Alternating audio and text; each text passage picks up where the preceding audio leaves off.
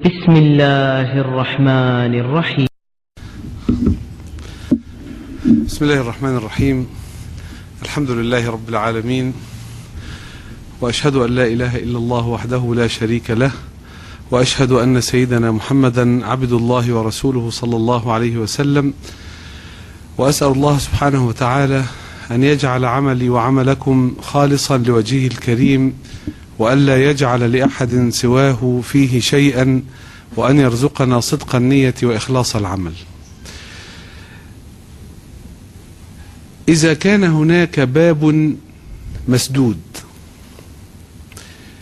وانكسر هذا الباب فجأة أو انفتح فجأة الذي يحدث أن الماء الذي يقع خلف هذا الباب يتلاطم فجأة معا بدون أي نظام ويتخبط ويتضارب ويحدث اصطراع. نحن في مصر نعيش منذ ستين سنة على مسألة فكرة الطريق المسدود اللي هو سد الطريق أمام الناس. وبالتالي إذا سد الطريق أمام الناس أصبح ليس أمامهم إلا الكلام. يعني هم كانوا بيقولوا إحنا عندنا حرية صحافة مثلا عندنا حرية كلام الجرايد بتتكلم التلفزيون بيتكلم الإذاعة بتتكلم. إذا حبينا نفكر ونركز في الناس اللي كانوا موجودين جوه السجن هنلاقيهم كانوا بيتكلموا برضه. هو اسمه مسجون اسمه محبوس. مقيد الحرية. لكن أحيانا يرى أنه أكثر الأماكن حرية في مصر كانت داخل السجن. بيتكلم بحريته. هيعملوا فيه ياخدوه يحطوه في السجن. وهو في السجن فعلا. فبالتالي حرية التكلم ليست هي المعيار أو المقياس على وجود حرية من عدمه. ليست هي المعيار. لأنه ساعات يقول والله عصر عبد الناصر كان أظلم وأطغى وما كانش فيه كلام. هو فعلا كان عصر ظلم وطغيان و... وناس ما عندهاش كرامة. إنما لما يموت عبد الناصر ويجي واحد. يقول للناس دردشوا المسألة دي مش معناها انتقال من عصر القهر إلى عصر الحرية. لا يمكن يكون هذا هو المعنى. إضافة إلى نقطة في منتهى الخطورة إنه ساعات الإنسان اللي عنده قهر يقول أنا بدل ما أستخدم مليون عسكري أمن أستخدم ثلاث أرباع مليون وبدل الربع اللي فاضلين دول أعمل تنفيس. يقوم ما يبقاش الكبت شديد ما احتاجش عساكر أكتر أو أحتاج أخفض السطوة على العساكر الموجودين. فمسألة إن الحريات تزيد وتقل ولكنها في الآخر داخل نفس إطار القهر والكبت والمنع دي مسألة أنا زعلان جدا من المصريين زعلان جدا من نفسنا إن في ناس متصورين إن ده له معنى ده شيء مؤسف. هذا ليس له أي معنى إلا في حدود استراتيجية القهر واستراتيجية التسلط. طيب إحنا بقالنا إذا ستين سنة في حالة من حالات إن الطريق مسدود. مفيش حد قدامه طريق مطلقا إلا ما يمكن أن نسميه بالعامية الفلفصة داخل واحد ماسكني فبحاول أرفص منه. إنما مفيش في الحقيقة طريق. وعلى حين غرة وهستعمل تعبير من وجهة نظري دقيق جدا على حين غرة ظن الناس اليوم إن الطريق انفتح. وتصوروا انه فجأة ما كان مسدودا خلاص الحمد لله ما عادش مسدود والدنيا ماشية وهنقدر نبني بلدنا ونتحكم في أمورنا ونتولى أمرنا بنفسنا وما إلى ذلك. أمر طبيعي أن يحدث تلاطم زي ما قلت لحضراتكم تلاطم مفاجئ للمحابيس. ما هو دول كلهم كانوا محابيس. ففجأة الأفكار تطلع كلها.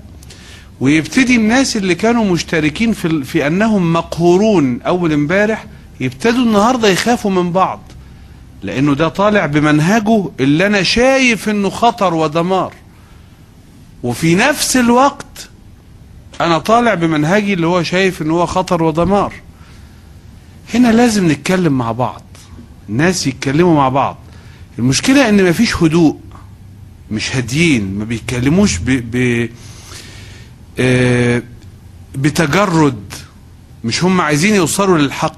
لا هو كل واحد خايف من التاني فبيلحق بالظبط بسرعة يلوث سمعته يمنعه من الكلام يفسر مواقفه بتفسير وحش اللي هو مش منطق ولا ثقافة ولا كلام حقيقي.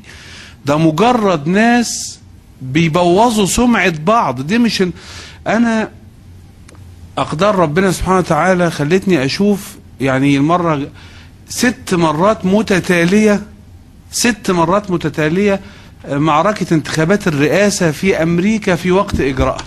يعني أحضر المناقشات والمناظرات هناك.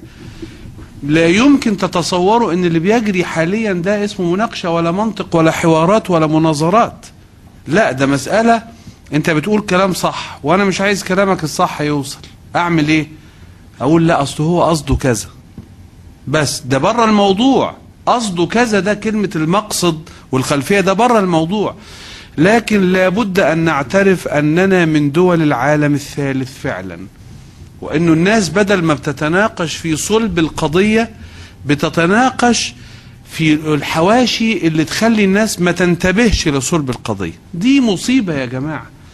عشان كده أنا دائما أكرر أن المحنة الحقيقية حتى بين الإسلاميين وبين الآخرين مشكلة أو محنة ثقافية مش محنة عقائدية.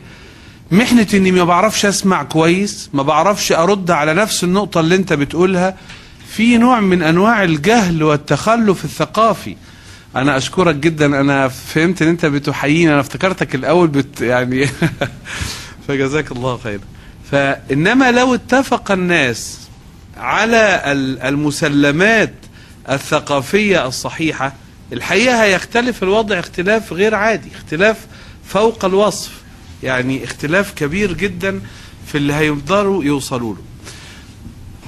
طيب دي نقطة مهمة خلاص. لكن النقطة التانية بقى لكن زي ما أشرت من شوية هو في حد أعصابه هادية؟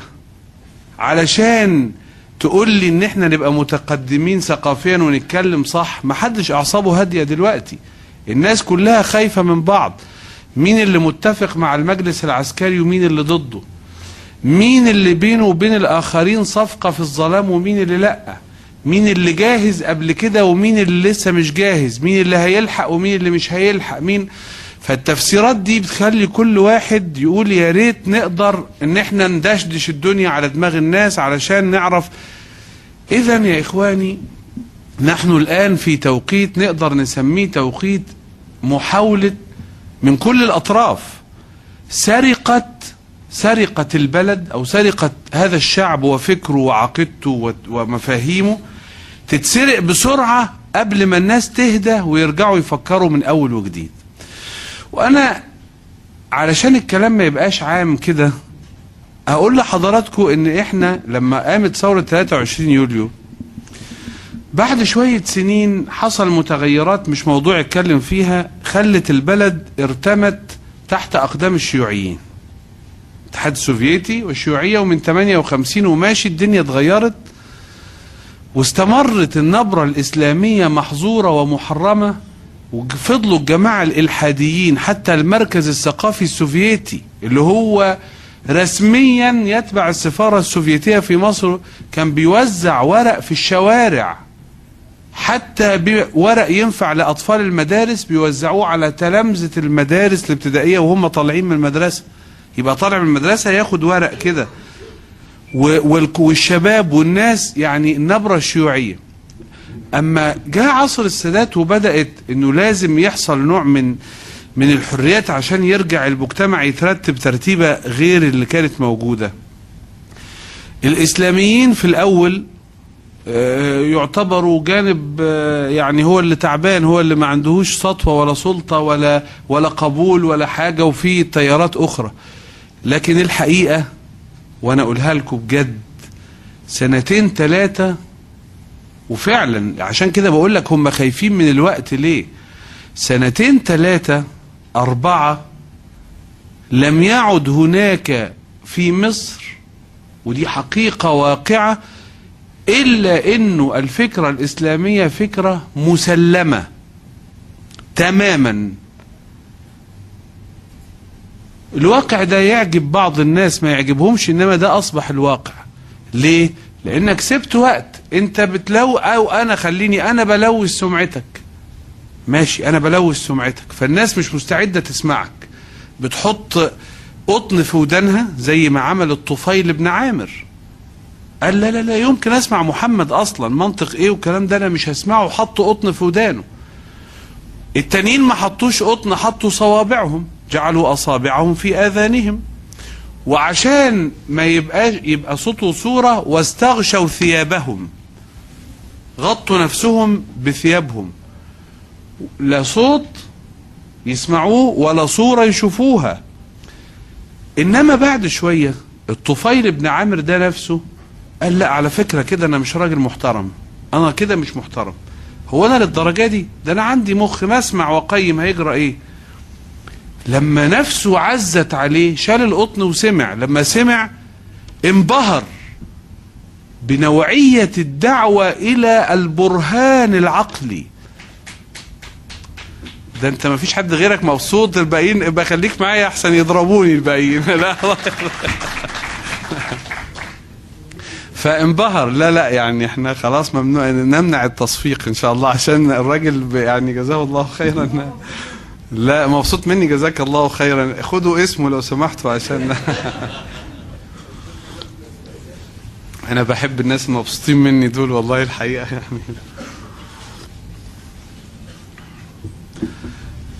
فالرجل انبهر ولما انبهر أسلم وبقت له قصة طويلة. هو ده يا إخواني المصيبة الثقافية اللي بحكي لحضراتكم عليها دلوقتي. إن المجتمع دلوقتي فيه ناس مش عايزين يدوا وقت كفاية للاستماع. لأنه لو حصل ان بقى في وقت كفاية للاستماع هيحصل المناقشة على حقيقتها ويتوجه الناس إلى الرشد والصواب والموضوع مش هياخد وقت كتير وهتلاقي الدنيا استقرت وظهرت الخفايا اللي في المناهج الأخرى اللي من اللي من وجهة نظري عبارة عن بيسموها إيه؟ يعني شيء فاضح. يعني الليبرالية المطلقة عندي أنا شيء فاضح. العلمانية عندي أنا شيء فاضح. اليسارية عندي أنا شيء فاضح. المش عارف كل واحد حر كل واحد يفكر بطريقته. ادي فرصة لا ما تديش فرصة. ده الكلام ده هيبقى مستقر عند كل الناس ولن يستثنى منه أحد. الحق ما تعطيش فرصة للاستماع وإلا المجتمع كله هيعود إلى جذوره. طيب إحنا لما بنيجي نتكلم النهاردة بنقول إحنا لو جينا ند... لو جينا نتداول ونتكلم في الأمور هنتكلم إزاي؟ هتلاقي المسألة اسلاميا لها طريقة رائعة اللي هي تحت عنوان قل هاتوا برهانكم. اتفضل اعرض عليا الخطة المنطقية والمنهجية وأنا أرد عليك. لا بس أنتوا تحتكرون الصواب تحتكرون الحق. أفتح أنا المصحف كده ألاقيه ما بيقولش كده خالص. بيقول يا محمد يا ابن عبد الله يا رسول الله صلى الله عليه وسلم سيدي وسيد الخلق أجمعين. يا محمد يا ابن عبد الله قل لهم العبارة الآتية. وإن أو إياكم وإن أو إياكم. يا إحنا ينتو لعلى هدى أو في ضلال مبين. يا إما أنا في ضلال شايف المنطق بيساق مش احتكار الصواب. بيقول له أنا يمكن أكون في ضلال مبين وأنت اللي صح. أو العكس. تبقى أنت في ضلال مبين وأنا اللي صح. تعال نتكلم. منطق الإسلام بيعرض الصورة من هذا من هذا الحد اللي, اللي بينزل تحت خالص. بيقول له أنا هبدأ معاك من إن أنا الراجل أبو عمة ودقن ده ده أنا ببدأ معاك من إن أنا جايز أكون في ضلال مبين وأنت على الحق الكامل. وأنا عندي أتم الاستعداد إني أتكلم معاك منطلقا من هذه النقطة. فاللي بيجي النهاردة يقول احتكار الصواب ده إنسان مشكلتنا معاه زي ما قلت لكم مشكلة ثقافية. هو ما فتحش المصحف وقرا هذا. ما قراش إنه هذا هو المنطلق. النقطة التانية اللي بيطرحها الإسلام لما بيجي يناقش الآخرين أنه يراعي يراعي وأرجوكوا يا إخواني تعرفوا الكلام ده غالي غالي جدا. يراعي إن لو أنا صح والصواب عندي ومحتكر الصواب وما حصلتش وما فيش مني وأنت غلطان بس بأراعي مخاوفك. أنت مش أنت قلقان أنت خائف. أنا ما ينفعش اتكلم معاك إلا وانت مطمئن إلا وانت آمن. إنما طول ما انت خايف ما ينفعش اتكلم معاك. فتلاقي الإسلام يفرض عليا فرض ويلزمني إلزام يقول لي إنه أنت مكلف مع الناس دول وإن أحد من المشركين استجارك فأجره حتى يسمع كلام الله ثم أبلغه مأمنة. لازم يطمئن ويأمن. أنا مكلف بهذا عشان كده أنا لما بسمع النهاردة إن في ناس خايفين بقول من حقهم يخافوا. دي مخاوف مبررة ومفهومة. ومن واجبي أو من واجبهم عليا إن أنا أشرح وإن أنا أبين. ولما يجي واحد يقول لي أنا قلقان أقول له عشان أنت كذا وكذا وكذا وفيك العبر أبقى ما بفهمش. شيء طبيعي هو يعرفني منين؟ ده راجل بقاله على أقل تقدير ستين سنة إلا فترات بينية بسيطة شايف إن أنا هو ما يعرفنيش إلا من خلال وسائل بتقول لي عليا إن أنا وحش جدا وأنا مش وحش خالص بس هو ما يعرفش. فهو شيء طبيعي يقول لي أنا عندي مخاوف. لما أسمعها منه بصدق داخلي لازم أول شعور يوصل لي أقول له حق لازم يخاف ولازم أف... يعني يطمئن عشان يفهم لأن أنا يمكن أكون فعلا بخوف فلازم أتكلم أنا وهو. ده صحيح. ما هو هو يعرف منين؟ هو إذا كنت أنا من حقي أخاف من اللي معايا مش عرفني إنه هيبقى آمن أمين عليا. والإسلام يبني على هذا يا إخواني. الإسلام سبحان الله بقى ودي المفاجأة جايز اللي ناس كتير ما يوقفوش قدامها. الإسلام منهج اللي هو الإسلاميين والمتأسلمين والإسلام السياسي أيا ما كان المصطلح هم فعلا الإسلام منهجهم يعني مبني على كده. إن أنتوا مين قال لك إن إحنا نطمئن لبعض؟ ده في أسس وفي قواعد. أنا من غيرها مش مكلف إن أنا أطمئن إليك. أنا مكلف إن أنت تعطيني الطمأنينة بالطريقة الإسلامية مش لأنك فلان فلاني وأنت مكلف إنك تطمني. اذا المنهج الإسلامي بيسوق الحق والبرهان والمنطق بيسوق حق أي إنسان في إنه يطمئن الأول. يطمئن مش مش الآخر لا يطمئن الأول وهو بيناقش. لما تيجي تناقشني وأناقشك لازم أطمنك. الأول إنه اللي أنت خايف منه غير موجود اطلاقا. ولذلك أنا يعني مفيش مانع إن إحنا نحكي حدوتة. حدوتة حلوة قوي. إحنا بنقولها على المنابر بس بنقولها بطريقة الوعظ عشان نبين أخلاق الرسول أخلاق الرسول عليه الصلاة والسلام. إنما أنت خدها بقى على حقيقتها كده إنه جاء عكرمة بن أبي جهل.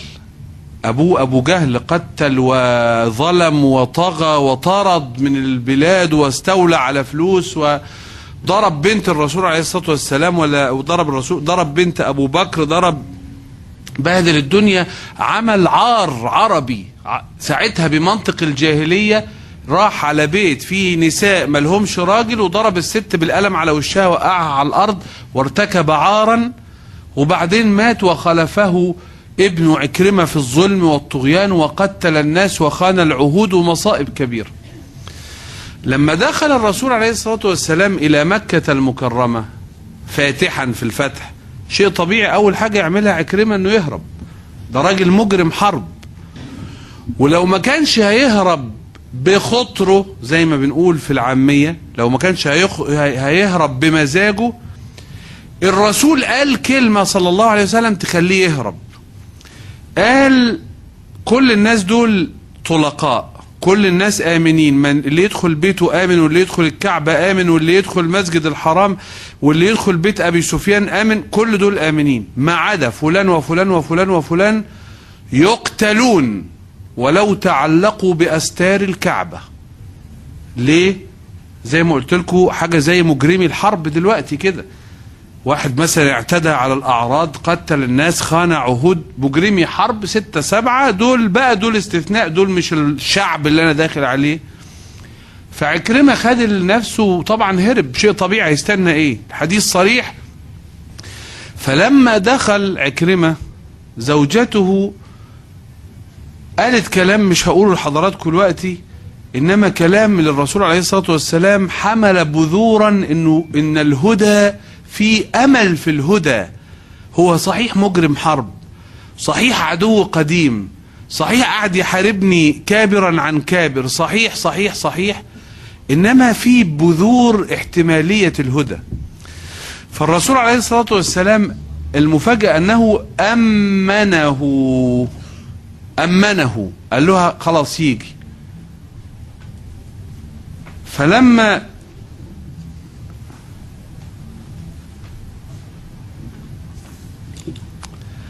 فلما يجي أمنه النبي صلى الله عليه وسلم فعلشان يأتي من بعيد آه هو الحقيقة أخونا بينبهني إنه في أماكن فاضية يا ريت نحاول نملأها عشان اللي جايين آه, آه بس هو اللي يجي ياخد أماكنه إن شاء الله. سهلة يعني بإذن الله.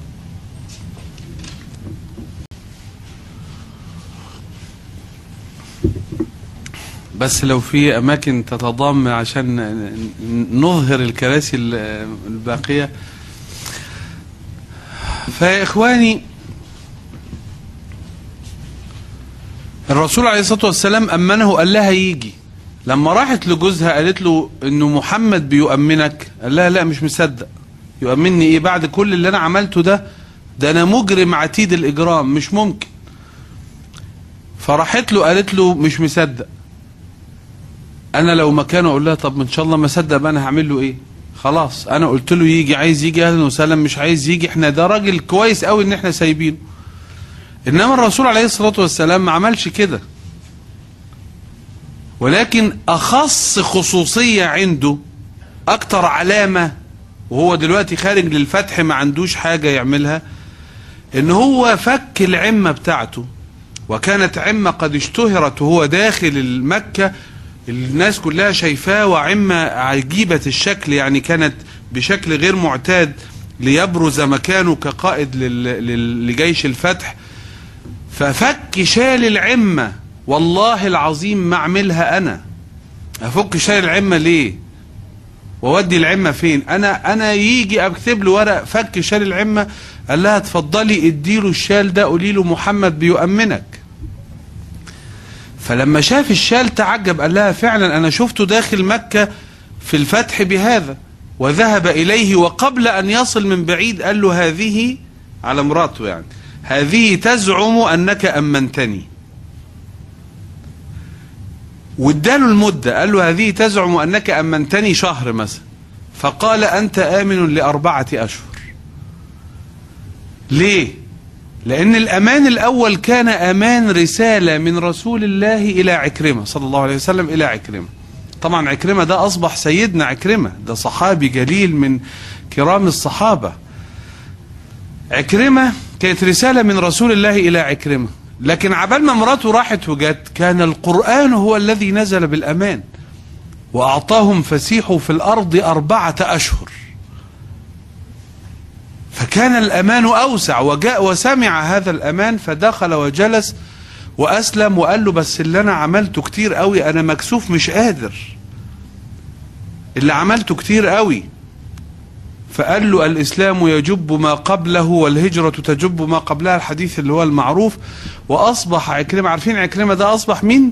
أصبح هذا الشهيد اللي لما قتل قال نفسي في شفطة مية رشفة مية أشرب مية. جابوا له مية سمع واحد جاره بيئن قال له روح بها لأخي فإنه أحوج إليها مني. القصة المشهورة دي قصة عكرمة.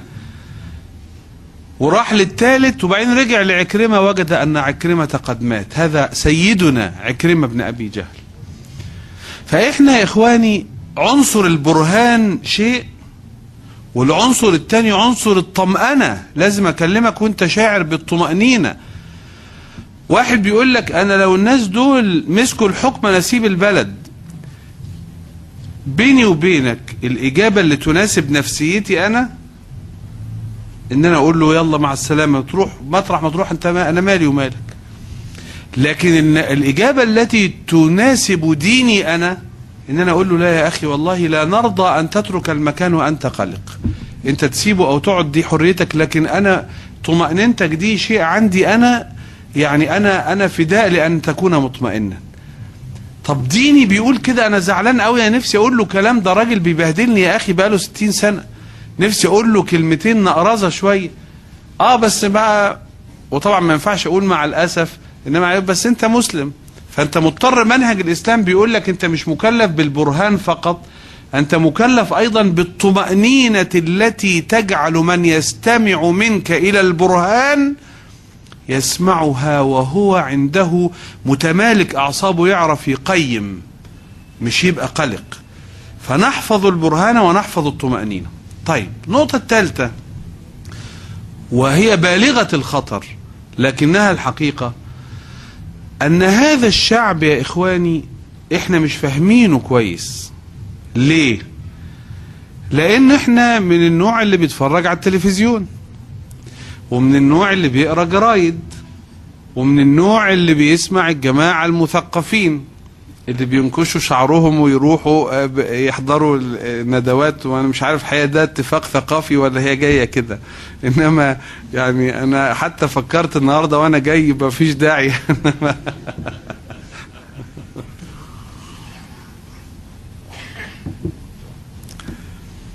ف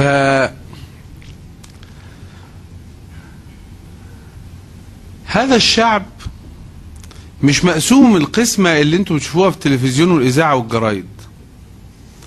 ده دي منطقة منطقة خصوصية صنعت تصنيع خاص عبر الزمن وبدأت تستخدم إعلاميا. ومنهم ناس صادقين جدا جدا ومنهم ناس مقتنعين باللي هما بيقولوه فعلا. إنما برضو دول مصنعين. ولذلك أنا في تقديري أن الشعب المصري على الأقل بينقسم إلى حوالي عشر عشرين ألف وبعدين بقية الشعب كله. دي حق دي قسمة حقيقية. قسمة حقيقية. فعلا كده. اللي حصل إيه؟ إن إحنا نمر واحد اتنين تلاتة أربعة خمسة عشر. جالنا استعمار فرنساوي واستعمار انجليزي وجات لنا عملوا إيه؟ راحوا جايبين لنا من عندهم إرساليات. تعالى يا أخي الكريم في هنا كراسي في الصف الأول واسعة اتفضل ارتاح. ف ال ال يعني بعتوا لنا جابوا لنا إرساليات من عندهم تعمل مدارس وتعمل جامعات بعد كده. وتعمل دور اجتماعية زي دار حضانة وجمعيات لرعاية أيتام وفقراء وغيره وبقت المجموعات دي بتطلع بتاخد ولاد الناس اللي هم شريحة معينة من المجتمع يتربوا في هذه المدارس الفرنساوي الإنجليزي الألماني الانجيليه البروتستانتينية مش عارف إيه إيه إيه إيه, إيه. وبعدين دلوقتي بقت في ما شاء الله الجامعة الأمريكية والألمانية والإنجليزية والكندية والفرنسويه وبعدين بدل ما هم بيجيبوا لنا بس كمان بدأوا ياخدوا أعظم ال ال ال ال العقول المتخرجة اللي طلع الأول وتعين معيد وبعدين بقت له يدوا بعثات دراسية هناك. فيروح هناك برضه فبقى في نوعية تانية من المخاطبة والتصنيع العقول. وبعدين خلاص بقى هو بيبعت لي ناس وبياخد من عندي ناس يعيد صياغتهم على قد ما يقدر ويرجعهم لي تاني. وعمل حاجة ثالثة أنه أدخل إلى مصر زمان المطبعة فبقى بدل ما أنا يعجبني كتاب أقعد أنسخه أو يبقى في واحد اسمه النساخ يقعد ينسخ بقى هو عنده دراع تقعد تعمل كده. تطلع عشرات الآلاف من النسخ فبقيت أنا أنسخ وهو يطلع يوزع فبقى يوصل أسرع مني. وبعدين الكتب اللي بيطلعها دي بدل ما تبقى كتب خلاها جرايد وسماها الصحف السيارة اللي بتمشي. ورق بيمشي. سماها كده. الصحف يعني الورق.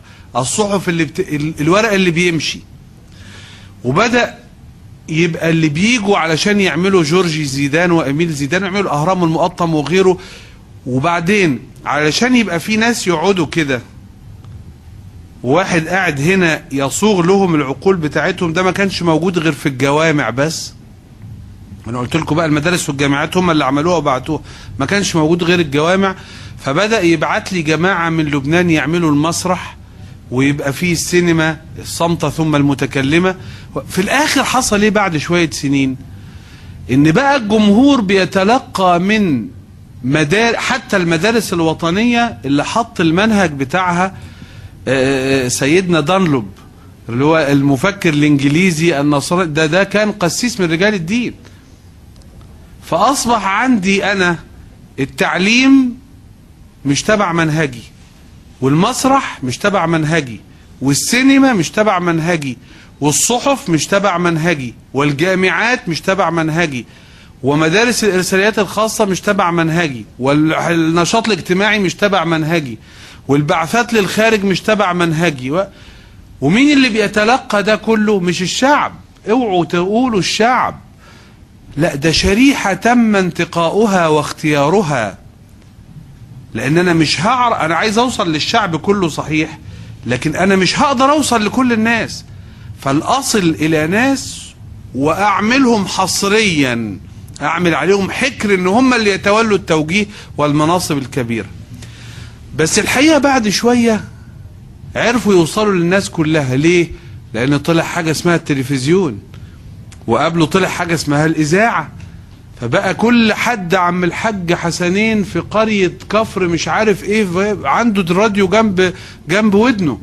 لا محتاج يروح مسرح ولا سينما ولا يخش إرساليات ولا يعمل جامعات ولا يقرأ وبيعرف يقرأ ويكتب ما هوش أمي.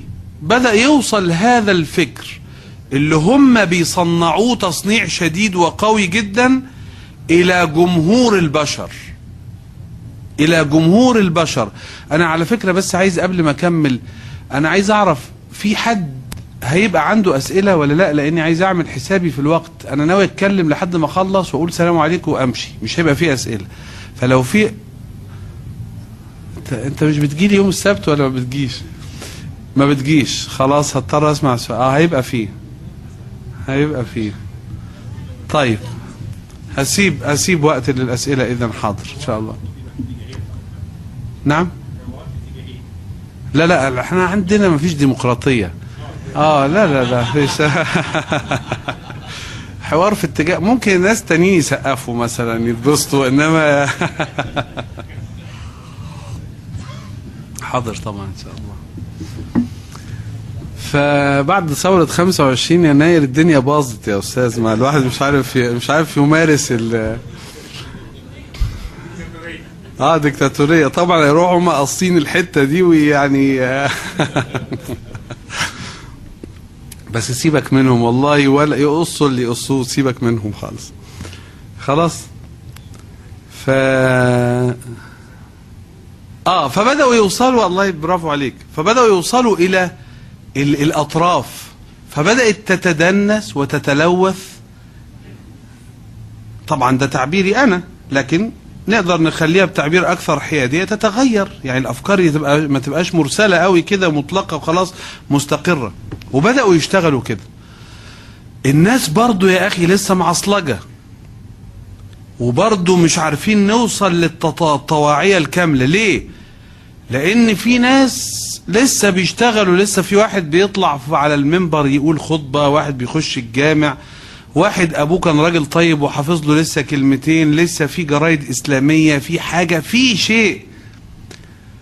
فاضطروا أمام الانهزام الشديد اللي حققوه برغم الإمكانات الهائلة إن هو بقى ودي من آفات بلدنا الرهيبة. أنا لو يا ريت كان عندي وقت أكلمكم في الاقتصاد والسياسة والاجتماع و... إنما من آفات ولو سمحتوا احفظوا الكلمة دي لأنها مهمة. من آفات بلدنا الفظيعة أنها ما بتتخشش المعركة الاقتصادية بعناصر الاقتصاد ولا المعركة الثقافية بعناصر الثقافة ولا المعركة الاجتماعية بعناصر الاجتماع. هي دايما تدخل على المجال بما هو أجنبي عنه زي فرض الأمر الواقع. مثلا في الاقتصاد السكر بعشرين قرش. لا قرار جمهوري بأنه يبقى بستاشر قرش. إزاي؟ إزاي؟ يعني الأربعة ساغ في كل كيلو هتجيبهم تدبرهم اقتصاديا منين؟ دي قضية اقتصادية. ما تلاقيش حاجة اطلاقا. وأنا فتشت فت والله فتشت. تفتيش. عن دراسة اقتصادية تقول إزاي؟ مفيش واديكوا سمعتوا اللي قالوا آه وزير الثقافة الحالي إنه إن يوسف بطرس غالي كان بيزعم إنهم بيحققوا أرباح وهم ما بيحققوش أرباح. بس هو عايز يبين إنه أدى ده كلام وزير الثقافة الحالي إنه وزير المالية عايز يبين إنه هو أدى إلى زيادة موارد الدولة. فيسند إلى وزارة الثقافة في عهد فاروق حسني إنها حققت أرباح. وبعدين طب ما الأرباح دي دخلت في الميزانية هيقولوا لك فين؟ يعوضها من أنا بقى أول ما قال يعوضها من كل حواسي انتبهت. عايز أعرف ال... الشيء اللي أنا ما لقيتوش في أي دراسة اقتصادية دي يعوضها من؟ تلاقيه في الآخر بيعوضها من؟ قبل ما أقول لكم بيعوضها منين أقول لكم تعبير بال... بالبلدي كده. بيعو- بيعوضها من بح من عجز الموازنة. إن الميزانية في الآخر فيها عجز فيقول خلاص ارميها على عجز الموازنة. فأنا أقول إن الوزارة دخلت 100 مليون وهي ما دخلتش ولا مليم وبعدين أقول 100 مليون دول في ال... في ال... في البراح ده. حاجة يعني وده كلام الراجل وزير حالي مش مش من زمان ولا حاجة. إحنا كل مجال اقتصادي وعلى فكرة معلش أنا هخرج سنة في الموضوع ده لأن الموضوع ده يهمني. حاولوا يا إخواني تقولوا لكل الناس هذا الكلام. أي معركة في مجال من المجالات لازم تلتزم بأدواتها. يعني بنتكلم ثقافة نتكلم ثقافة. بنتكلم اقتصاد نتكلم اقتصاد. بنتكلم سياسة نتكلم سياسة. إنما تقول لي زي النهاردة بيتاجروا علينا وبيخدعوا الناس. وبيضحكوا عليهم والناس مع الأسف لسه لغاية دلوقتي بعد كل الوعي اللي بنقول عليه بيضحك عليه. يجي يقول لك مثلا أيوه يا عم ما هو الإخوان المسلمين عايزين الأمور تخلص بسرعة لأن هم اللي جاهزين وغيرهم مش جاهز ومفيش أحزاب فبالتالي عايزين الدنيا تمشي كذا وكذا. طيب أيها النصابون لما أنتوا ناس محترمين قوي كده وعايزين العدل النهارده بعد ثلاث شهور وشوية من الثلاث شهور وشوية فين إتاحة حرية الأحزاب لغاية دلوقتي. ما تخلي الأحزاب التانية بقى تطلع عشان تشتغل وتلحق توضب أمورها. حزب الكرامة المحظور ده ما سمحتلوش ليه؟ ما طلعتش. ده أنت طلعت قانون عشان نعمل حزب محتاجين 3 4 مليون جنيه على الأقل. إعلانات وتصديقات والحد الأدنى هو مقر حتى لو أوضة فوق السطوح. فضلا عن إنهم يبقوا مليون ولا غيره طيب أنت بتقول اللي جاه مش عايز أخلي الجاهزين ينفردوا بالساحة. هات التانيين اسمح لهم. إنما تفضل ثلاث شهور ما بتسمح لهمش. وبعدين تيجي تتاجر عليا بإن أنت ما بتسمح لهمش. بإنه أصله مش مسموح لهم. يا عيني فما لحقوش يجهزوا نفسهم وإحنا نصدق. عيب. اهو حزب الكرامة ده. أهو لا إسلامي ولا ده يعني أبعد البعد عن المنهج اللي هو الإسلاميين والمتأسلمين والإسلام السياسي والكلام ده كله. ناصريين خالص. أنا بقول لك ما بتسمح لهمش ليه؟ إيه اللي يخليك ما تسمح لهمش؟ ويا ريت الأحزاب بس بعد ثلاث شهور وشوية حصل أي تعديل لقانون الصحافة علشان حد يقدر يطلع صحيفة بشروط أسهل من شروط عهد حسني مبارك؟ لا. لغاية دلوقتي ابقى وريني شطارتك تعرف تطلع صحيفة من غير الشروط الرهيبة المجحفة. لو كان مصطفى أمين وعلي أمين موجودين دلوقتي يعني كانوا بقوا بقوا همل مهملين زي أي شاب النهاردة مش عارف يبرز قدراته. إنما التاني كان بيطلع طلعت حرب يقول له خد قرض مش عارف كام يطلع بيه صحيفة كفرد وأصبحت قلاع صحفية في تاريخ البلد إنما لغاية النهارده ثلاث شهور طب ما تخلي الناس الخرس يتكلموا خلي الشيوعيين يا أخي يتكلموا خلوا الناصريين يتكلموا خلي الليبراليين يتكلموا خلي يقول لك لا لا لا. أصل بصراحة عهد حسني مبارك كان هايل. سمح للليبراليين يطلعوا صحف ولليساريين يطلعوا صحف والوحيدين اللي مش مسموح لهم يطلعوا صحف الإسلاميين. فحلو قوي كده اسكت ربنا يسترها خلي الدنيا خلي دول الخرس الوحيدين. يبقى مش بيتاجر عليا بيتاجر عليا بإيه؟ هو قانون الجمعيات بتاع عهد حسني مبارك بعد 100 سنه مع إن كل حاجة من دي يا إخواني محتاجة سطر واحد. بل سطر واحد يجمع السماح بالأحزاب والصحف والجمعيات بلا قيد ولا شرط. مثلا خمسين واحد للحزب وخمس وعشرين واحد للجمعية والصحيفة ولو فرديا مع الإخطار وبعدين تبقى تراجع الأمور بعدين. خلي الناس يا أخي تتكلموا يا شيخ. قانون الاجتماعات العامة وقانون الاجتماعات العامة مليان عورات. عورات وياما شرحنا هذه العورات عبر المؤتمرات الطويلة. في مكان هنا يا فندم اتفضلي ف- فعبر المؤتمرات الطويلة عبر السنوات الطويلة المترامية ومع ذلك قانون الاجتماعات العامة لم يحدث فيه أي آه، أي أي تعديل حتى الآن. ليه؟ ما تخلوا الناس يجتمعوا لا يطلع قانون بس عشان الاعتصامات يقولوا بس اطمنوا ده مش عشانكم ده ناس تانيين وحشين هو اللي هنطبقه عليهم. والحكم اللي فات كان بيقول كده كان يطلع قاعدة عامة ويقول في السر يقول لك لا ده مش عشانك انت. طب ما تكتب انه مش عشاني. يقول لك لا ما اكتبش عشان برضه يفضل يمكن أفكر استخدمه عشانك. نفس النظام قائم. مع الأسف الشديد وبالتالي لا المعركة الاقتصادية بقيت اقتصادية ولا السياسية بقيت سياسية ولا الثقافية بقيت ثقافية وإنما قرروا يدخلوا عليها عنصر الأمن. عنصر الأمن يعني يمنع الجوامع مثلا يمنع الصحف يعمل اعتقالات يعمل فأصبح فيه تشوه. التشوه ده عبارة عن إيه؟ إن نص الناس يسمح لهم ونص الناس لأ. نص التفكير يسمح له ونص التفكير لأ.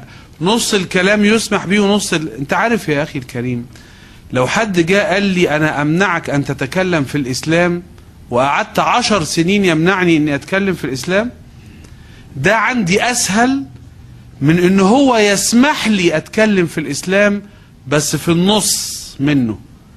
لأن في الآخر لما يجي وقت الحرية وأكلمك عن النص اللي كان محظور هتقول لي إيه ده؟ أنت جايب ما إحنا طول عمرنا عارفين الإسلام هو ده الإسلام انت بتقول كلام أصلا عمرنا ما سمعنا عنه.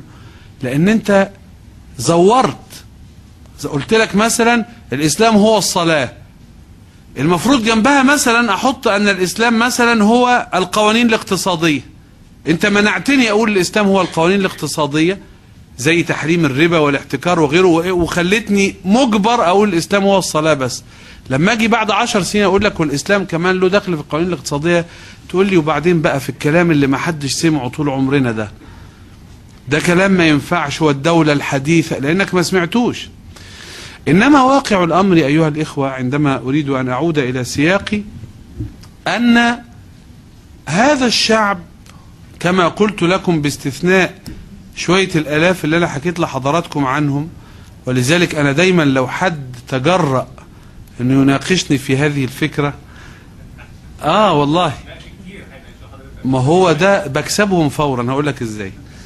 ولا بيعرفوا يقولوا حاجة معايا. ليه بقى؟ حكمت ف... فظلمت. خلاص؟ أول ما حد بيقول لي كده فورا أنا راجل بقى محترف إيه فصل الخطاب. أقول له إيه رأيك؟ تعال أقعد جنبي هنا تبقى ندوة. أنا وأنت في مناظرة وأقول له كلام جامد أقول له يعني لو جدع لو يعني كده.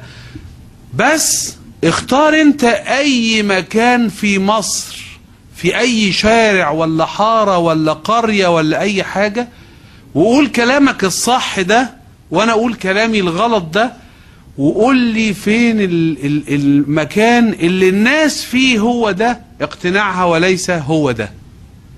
لا يوجد. والتحدي قائم. ولو هو مش عايز يختار أنا أختار. أماكن فعلا الشعب المصري كل الذي عنده هو تساؤلات عن أمور غامضة. يقول لك أنا مش واضح عندي كذا. ممكن تجاوبني عليه؟ مش واضح عندي كذا. ممكن تجاوبني عليه؟ ولذلك يا ويل هؤلاء المناوئين إذا سمح بشوية سنين بسيطة سنة سنتين. هيحصل إيه؟ الناس هتطرح الأسئلة وهتجاب وهيحصل إن الناس تتكلم مع بعض وصحف هتكتب وهيتضح الحجة. هتلاقي كله الانحياز ظهر لأنه انحياز عقلي برهاني منطقي رائق ما فيهوش الوهم.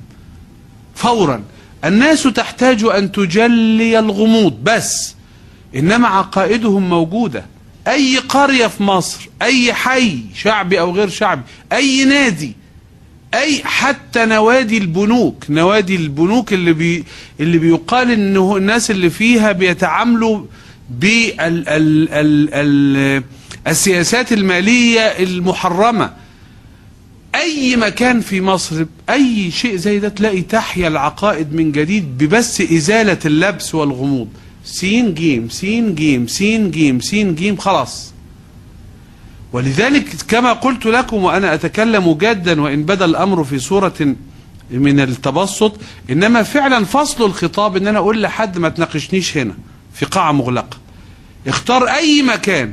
يمكن أنت صح على فكرة وأنا اللي غلط أنا ما عنديش مانع إنما أنا بكلمك الانحياز الشعبي لإيه؟ فستجد أن هذه هي الحقيقة. لذلك يا إخواني ثقوا في هذا المنهج أن أحدا لا يستطيع إلا بالخوف أو بالوهم أو بالاستعجال أو بالشوشرة. لكن بدون هذا أحد لا يستطيع أن يقف في مواجهة هذا المنهاج أبدا من الناحية المنطقية البحتة. وإليكم الأمثلة الدامغة الواقعية الآتية المحددة. لأن الله يقول لأن النبي عليه الصلاة والسلام يقول لن يشاد هذا الدين أحد إلا غلبه الدين. مفيش مخلوق هيعرف ينبري في لحظة من اللحظات وريني في التاريخ كله. وإليكم الأمثلة الآتية في إيجاز لأني هدخل في الأسئلة على طول لأن الحقيقة الوقت محدود شوية. نمرة واحد اتحاد الدولي للبنوك الإسلامية. عمل دراسته في سنة 78 مشي بيها هنا على كبار أساتذة الاقتصاد والتجارة. ونائب رئيس الوزراء للاقتصاد ووزير المالية ووزير الاقتصاد ووزير ووزير ووزير. فكلهم نظر في الدراسة التي تتكلم عن البنوك الإسلامية وقال إيه يا ابني إيه الكلام ده؟ إيه أنتوا عايشين فين؟ أنت فاكر إن أنت جاي تطلع لي روح يا حبيبي روح امشي. إيه هتعلم العالم؟ انت بتطرح نظرية مقابلة لأمريكا وروسيا الاتحاد السوفيتي وانجلترا وفرنسا ودول العالم المتقدم وانت بقى اللي جبت ما لم تأتي به الأوائل؟ فخرج الراجل ياول ده حاسس ان هو كلامه مسفه يعني. فسافر انجلترا وسافر ست دول أوروبية. آسف سافر عديد من الدول الأوروبية. فإذا بهم نمرة واحد ينبهرون بهذا الطرح وثانيا تصدق عليه ست دول أوروبية. تصدق عليه على أنه من النظم المعتمدة عندها. فعاد الرجل هنا في قاعة هنا في مركز الاقتصاد الإسلامي في الثمانينيات قال هذا الكلام. قال أدركت أن العقول التي اعتادت أن تكون تابعة. تعرف الطفل الصغير لما يخاف مش بيجري من الخطر. بيجري على أبوه أو أمه سواء ناحية الخطر أو عكسه. العقل الذي تربى على أنه تابع يبص للعالم كده الفكر العالمي شكله إيه؟ ولازم يبقى شبهه لأنه خايف من الاستقلال. إحنا لسه في طفولة أو في مراهقة من حيث الثقافة والفهم. نفس المسألة حدثت لي أنا شخصيا طبعا الواقعة دي صاحبها هو الدكتور أحمد النجار اللي هو كان أول أمين عام لاتحاد البنوك الإسلامية اللي مقره قبرص وصدقت البلاد الأوروبية كما قلت لكم وهذا مؤتمر رسمي ومسجل يعني ما- ما- مسجل صوت وصورة فيديو يعني موجود. أما الذي وقع لي أنا شخصيا فوقع لي وهذه واقعة أحب كثيرا أن يعني أن أحكيها لأنها دايما عملت لي نوع من من رد يعني الشعور بالراحة وبالسعادة. في فيلادلفيا في أمريكا جاءني رجل وقال لي يا مولانا مش هينفع بقى حكاية إن الربا حرام والبيوت إحنا عايشين في أمريكا. وأنا بقى أنا واحد بني آدم واحد وجاي من من دول العالم ال ال 13 مش الثالث ويا دوبك وصلت هنا وعايز أشتري بيت. لو ما اشتريتش بيت أدفع 5000 دولار إيجار كل شهر 5000 دولار ومع ذلك يبقى عليا ضرائب. إنما لو اشتريت بيت أدفع 3000 دولار بس في الشهر وما يبقاش عليا ضرائب. بالله عليك يا مولانا الإسلام هو اللي يجي لنا من القرن اللي مش عارف قد إيه ويتعبنا ويهد حيلنا كده. لازم يبقى فيه البلاد اللي إحنا فيها كلام قوي على فكرة ويهز. وأنا هقول له إيه في مواجهة أمريكا هقول له إيه وده راجل غلبان كان بيشتغل هنا قبل ما يسافر كان بيبيع ليمون في ميدان الكتكات.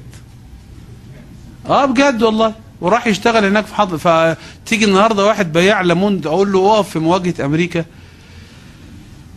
لكن أنا قلت له اقف في مواجهة أمريكا. واسمعوا يا إخواني اسمعوا.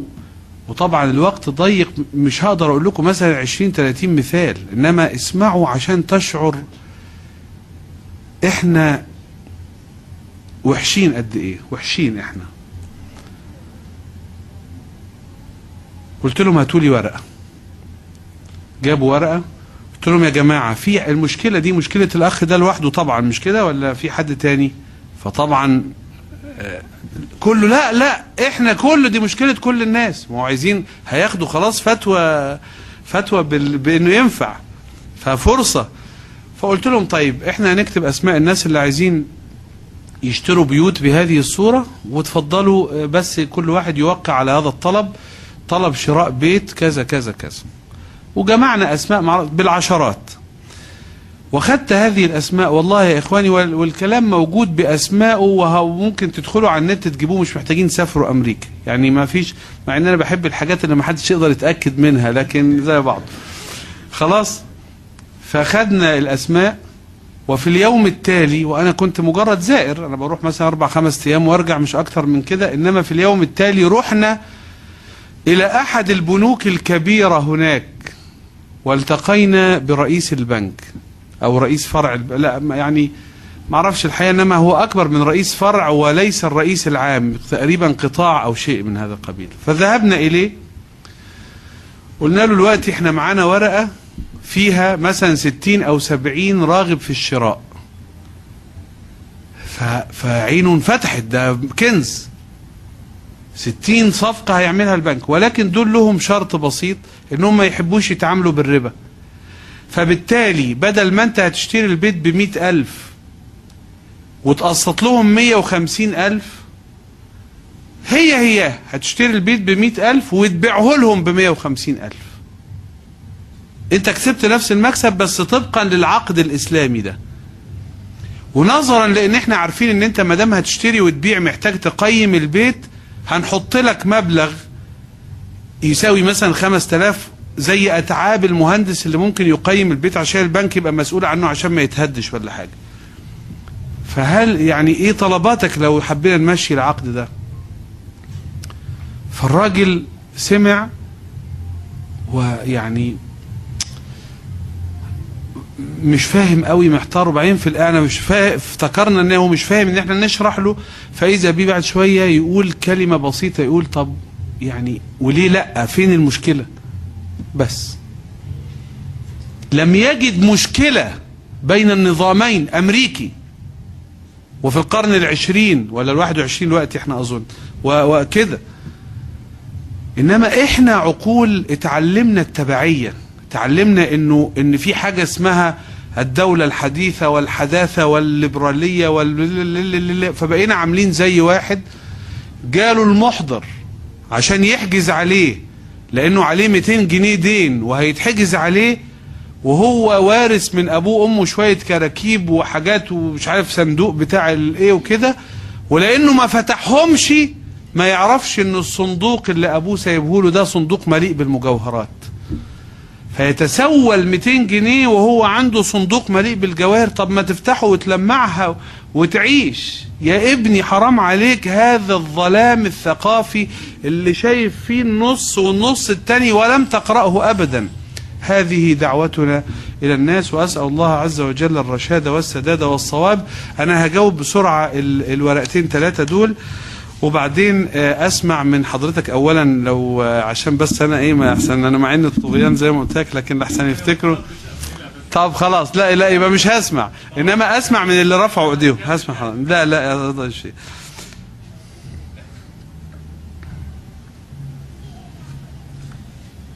طيب هأجل الورق ده لأنه مش في الموضوع ده في موضوع آخر مهم برضه بس يعني اتفضل يا أخي الكريم. أهلا وسهلا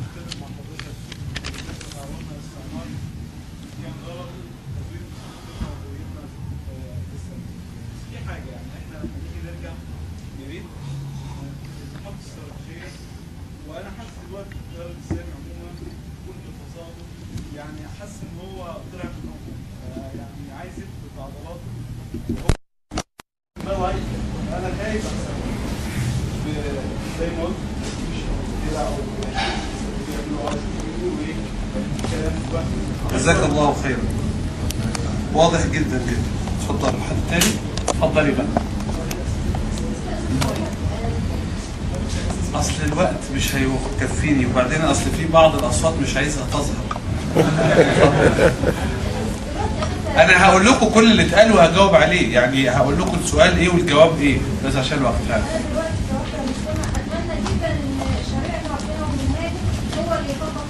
كويس. اللي حاصل دلوقتي التيار الإسلامي الاسلاميين فيهم في بعض الفكر أنا نفسي ما أحبش إن هو يحكمني بالك غير غير المسلمين شكرا برافو هايل. ربنا يكرمك اتفضل. حاضر. ده موضوع بره الموضوع بس ماشي. حاضر. طيب اتفضل.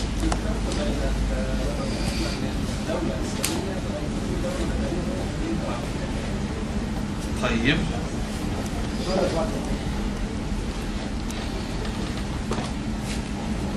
اتفضل الإسلاميين ما يقعدوش مع بعض يعني إحنا ما ما يتكلموا لأن أنا شايف إن في كل الاتجاهات كل واحد يقول كلام ويشوش الموضوع على الناس. طيب. زي ما بتحاول مع الآخر برضه بتحاول بينهم وبين بعض.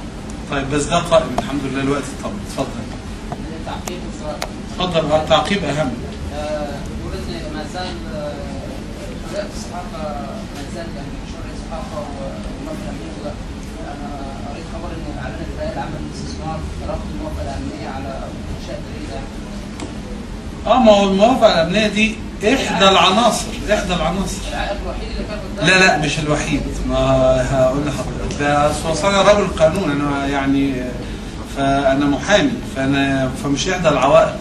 في عوائق ثانية السؤال لحضرتك أيوة. آه، إحنا عاوزين آه، يعني الحكم الاسلامي هو اللي يتم إزاي إحنا عايزين نحكم الحكم الاسلامي من جوه كلمه الحكم الاسلامي دي 30 فصيل وكلهم بيزعموا الصدارة. يقول إن إحنا اللي على صح والباقي هم غلط. إحنا إزاي عايزين نطبق كده وإحنا من جوانا إحنا؟ طيب. كله حاضر.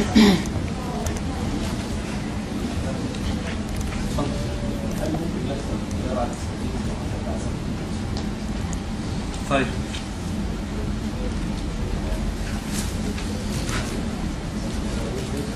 طب أنا معلش في حد عنده كلام ضد اللي أنا قلته خليني عايز أبدأ باللي هو إيه اللي مش أسئلة بالكلام اللي ممكن يكون معترض على شيء. آه ده إحنا عايزين اسمائهم ضروري الناس اتفضل اخ الاخ خالد بس آه، هل حضرتك تفسر ما بين آه، التبعية وإن الواحد يبقى زي ما بنقول كده إيه متفتح على الفكر الآخر وإزاي يقدر يوصله بال- بالفكر الموجود لأن دايما إحنا بنقول حتى بسمع الدكتور رائد آه، رائد سرجاني بيتكلم إن هو إحنا عندنا آه، في جزء من زي ما حضرتك بتقول كده النص الثاني من ال- من الإسلام ما كناش شغالين عليه. فإحنا عندنا حتى نقص في المراجع. واضح جدا. خلاص هقولها اتفضل. معترضين. آه من اول محاضره في حوار بقى ما بين ال- الفرق الإسلامية والجماعه الاسلاميه بس في فرقه واحدة للاسف مننا شكل هي ما ينفعش الحوار معاها هي فرقه وسط الحوار اللي هي فرقه إحنا السنة بتاعها مش مشهور الجاميه كل سنه وأنت طيب يعني اتفضل مفيش شك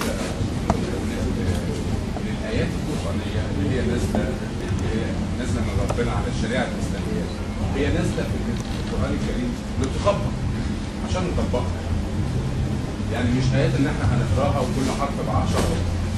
وفقط بس إيه العلاقة دكتور؟ أو المفهوم يعني. إيه العلاقة ما بين الآيات القرآنية الآيات القرآنية وفهم الجماعات المختلفة ليها تكوينهم ليها هي وتفسيرها بتطبيقها للدولة. إنها تتمشى الدولة كلها. بمعنى مثلا أنا مثلا قانون نقل الأعضاء. نقل الأعضاء فضل فترة طويلة إن هو إيه؟ إن هو تطلع فتوى على أساس إن هو يطبق إن هو يحل. فقعدنا فترة طويلة. الف... هل الفترة ديت هو حل؟ وكان حلال يعني طب ما الفترة ديت كان في ناس ما استفادتش منه هل هل الإسلام كده بقى عاقل تمام. حاضر حاضر حاضر. في أي اعتراضات؟ لا لا مش هسمعك أنت. لا، أنا عارفك كده. خلاص هسمعك في البيت. اتفضل. جماعات الطوائف والاحزاب تشكل مثلا عايشين في بقى ناس طويله طبعا عارف في فرق بين الاسلام طبعا سنين طويله عايشين عايزهم يجتمعوا يعني ويبقوا كويسين. وسط الزخم ده. اجتماع كلهم يجتمعوا هؤلاء يجتمعوا ده موضوع كلهم يطلعوا نتيجه فأنا بتكلم في النتيجة.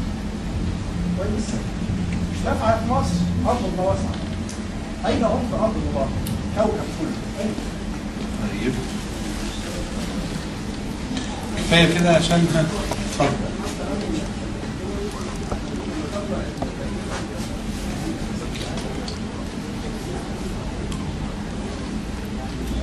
طيب طيب. خليتك للآخر مش هخليك تتكلم اتفضل قول بس, يعني إيه أنا عشان عندي وقت ضيق فأنا هجاوب الأسئلة دي الأول وغالبا مش هقدر أسمع حضرتك كما هو واضح مع الأسف. فأنا آسف أنا قلت لك أول واحد. أنت اللي أنت اللي يعني أنا فضلت الاخرين أشكرك ربنا يبارك فيك. بصوا يا إخواني اولا أنا آسف جدا إنه نظرا لضيق الوقت سأضطر للإجابة اللي هي مش وافية. و...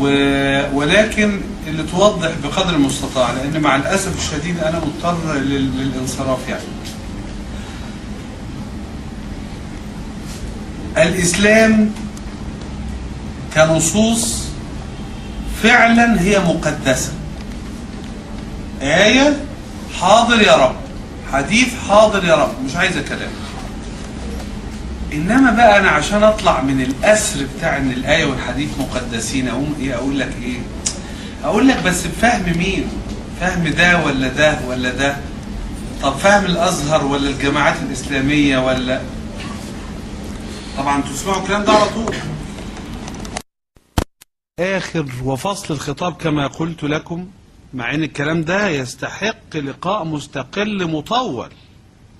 ورائع وهايل يعني نتكلم فيه. وأنا سبق إنه حدثت آه، آه، يعني مناظرة مع آه، بعض يعني ألمع الأسماء في هذا المجال اللي هي بت- بتتكلم عنه. ومناظرات مسجلة وموجودة أظن تقدروا ترجعوا لها موجودة يعني. أسماء بس مش عايز أتكلم عنهم دلوقتي لكن يعني معروفين. إنما أنا هقول بند واحد بس عشان أبقى جبت من الآخر وهو إنه طب زي بعضه. الناس مختلفين في المفاهيم. في الآخر ما هو الإسلام؟ هو الحد الأدنى اللي هو غير مختلف عليه القاسم المشترك. الناس اختلفوا على 15 اختلاف لكن في الآخر في جزء ما فيش اختلاف. يعني مثلا الزنا في حد قال إنه حلال؟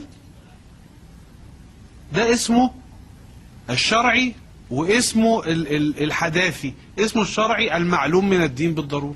واسمه الحداثي القاسم المشترك الحد الأدنى. هو ده اللي الإسلام السياسي والمتأسلمين وال... هو ده اللي هم عايزينه. يقول لك أنا بس مش عايز غير المعلوم من الدين بالضرورة. الخلافات دي يا سيدي أنا خلاص مت... هاخد أقل حاجة فيها مش عايز حاجة. إنما هم بقى عايزين يقول لك إيه؟ عشان أقول لكم يعني. يقول لك إن الفقهاء اختلفوا في الموضوع الفلاني على ألف وب وجيم. فيا ترى أنا هستطبق ألف ولا ب ولا جيم؟ ويروح هو عايز يخلص من كده إلى إنه ما يطبقش ألف وب وجيم كلهم مش يطبق الحد الأدنى. يعني واحد مثلا مثلا أضرب لكم مجرد مثال يعني. واحد قال إن السجاير حلال والتاني قال السجاير حرام. واحد قال الموسيقى حلال وواحد قال الموسيقى حرام. واحد قال مش عارف إن إيه الرسم معرفش إيه حلال وإيه حرام. ما واحدة ممكن تاخد بالحلال. خلاص ماشي. ما هو لأنه ده في فقيه معتبر قال بهذا. إنما لما يجي مثلا في الحجاب حجاب المرأة ما حدش ابدا قال إن الحجاب ما هوش فريضة إلا الصحفيين بتوع روزا اليوسف. إنما ما فيش علماء قالوا. يعني لا يوجد ولا ولا ولا واحد. ما فيش حد قال كده خالص. مين اللي قال كده؟ ناس من الجماعة اللي بيكتبوا في الجرايد دول بس. واللي عنده غير كده يقول لي لا فلان فلان الفلاني. ما فيش فلان ما حدش قال. فبالتالي انت مش عاي هتطبقه إزاي؟ دي حاجة تانية. هتطبقه إزاي؟ دي حاجة تانية. انما أنا بكلمك عن المبدأ بس من غير تطبيق خالص كده. فما يقولولكوش الاسلام بتاع مين؟ الاسلام اللي هو بتاع حضرتك الحد الأدنى اللي ما فيش حد غيرك بيقوله. بس عالم مش واحد من من عرض الطريق. النقطة التانية اللي قالوا إن إحنا بنحب الإسلام قوي ومستع... ونفسنا الشريعة قوي والمنهج قوي وكذا ولكن التطبيق إزاي؟ لك حق. المبدأ غير التطبيق. والمبدأ غير طريقة التطبيق. طريقة التطبيق مش إنه الإسلام اكتمل أروح جايب أطبقه كله كلا واحدا لا الإسلام له حتى في التطبيق طريقة فمثلا الرسول عليه الصلاة والسلام قال للرجل أنت رايح للناس الفلانيين أخبرهم أن الله قد افترض عليهم نمرة واحد كذا. فإن هم أجابوك لذلك فأعلمهم أن الله قد افترض عليهم نمرة اثنين. فإن هم أجابوك فأعلموا له طريقة. الطريقة دي برضو لوحدها محتاجة محاضرة كاملة. أن أقول لكم الشريعة الحلوة أوي أوي أوي لها طريقة في التطبيق بالشريعة برضو مش بفكر حديث ولا حاجة بالفكر القديم. كتاب ال- الأحكام السلطانية الاسم القديم ده ده لما تيجي ترجمه في العصر الحالي اسمه أحكام السلطة. أحكام السلطة أحكام ال- الحكم في كلام ده لما تقراه تقول يا سلام ال- إيه التيسير ده؟ معقول بالسهولة دي؟ فأنا عايز طبعا أنا ما جاوبتش على السؤال لأن الإجابة محتاجة محاضرة إنما أنا قلت ملمح وهو إنه فعلا مبدأ التطبيق غير كيفية التطبيق ولذلك اللي قال إن أنا فكر من يطالب بالتطبيق يخيفني أقول له وأنا أيضا إذا وجد ما يخيف فأنا معك في أنني أخاف منهم. ولكن هم لا يقولون ما تتصوروا وعشان كده أنا قلت المناقشة لأنها تبين إنه ما من تواد ورحمة وبساطة و- وتلمس شوف الفقهاء السلف الصالح يقول تلمس طاقة البشر تلمس طاقة القبول إنما إحنا ولا بنقرأ إسلام ولا عارفين فكرة عشان كده بنقول من عندنا. آه، ولذلك اللي قال يا ريت إحنا عايزين نرجع للاسلام بس يا ريت لما نيجي نرجع للاسلام يبقى باستراتيجية وبطريقة لأنه الإسلاميين أنا حاسس إنهم فارضين عضلاتهم مش فارضين عضلاتهم إلا في المبدأ إنه نحن نريد الإسلام. إنما في التطبيق بالعكس التطبيق ضد فرد العضلات. الرسول عليه الصلاة والسلام لقى واحدة بتعمل حاجة زي مثلا إنها بتلطم بتصوت عشان ابنها مات. فقال لها حاجة زعقت له. عمر بن الخطاب قال لها فقال له دعها يا عمر سيبها. ده لسه المسألة جديدة وقريبة مش هينفع. إيه ده؟ طب يا رسول الله ده أنت اللي قايل إن ده حرام سيبها إزاي؟ تلمس طاقة البشر. يا عائشة لولا إن الناس دول لسه طالعين من الكفر جديد وهيقولوا أيوه يا عم الراجل جه مسك مكة أول حاجة عملها هد الكعبة فهمت غرضه بقى؟ لولا كده كنت أنا هدمت الكعبة وبنيتها صح لأنها مبنية غلط. إنما أنا مش هعمل الصح هسيبه شوية لحد طاقة البشر. فما فيش ما فيش حد فارد عضلاته إلا في المبدأ والحقيقة قد يكون التعبير أحيانا يكون إنما صدقوني الحكمة والمنطق والبرهان والرحمة والجمال والشيء اللي ما حصلش كله في هذا المنهج بس لو الناس يعرف يسمع يسمع إنما آذان عليها وقر ما فيش فايدة. هل دولة إسلامية أم مدنية بحرية العقيدة؟ لا دولة إسلامية. إذا كنت إسلامي لأن الدولة الإسلامية المدنية من صفاتها من شرائطها من يعني إيه مدنية؟ عندي أنا. مع إن المدنية ده تعبير كمصطلح غلط. أنا رجل قانون بقول لحضرتك ده مصطلح غلط. إنما يعني اهو اللي بيقولوه. المدنية معناها إن الناس هم اللي يختاروا حكامهم سواء برلمان أو رئيس أو أي حاجة. وإنهم يقدروا يحاسبوا حكامهم استجواب وطلب إحاطة وسؤال وغيره ومن أين لك هذا؟ و...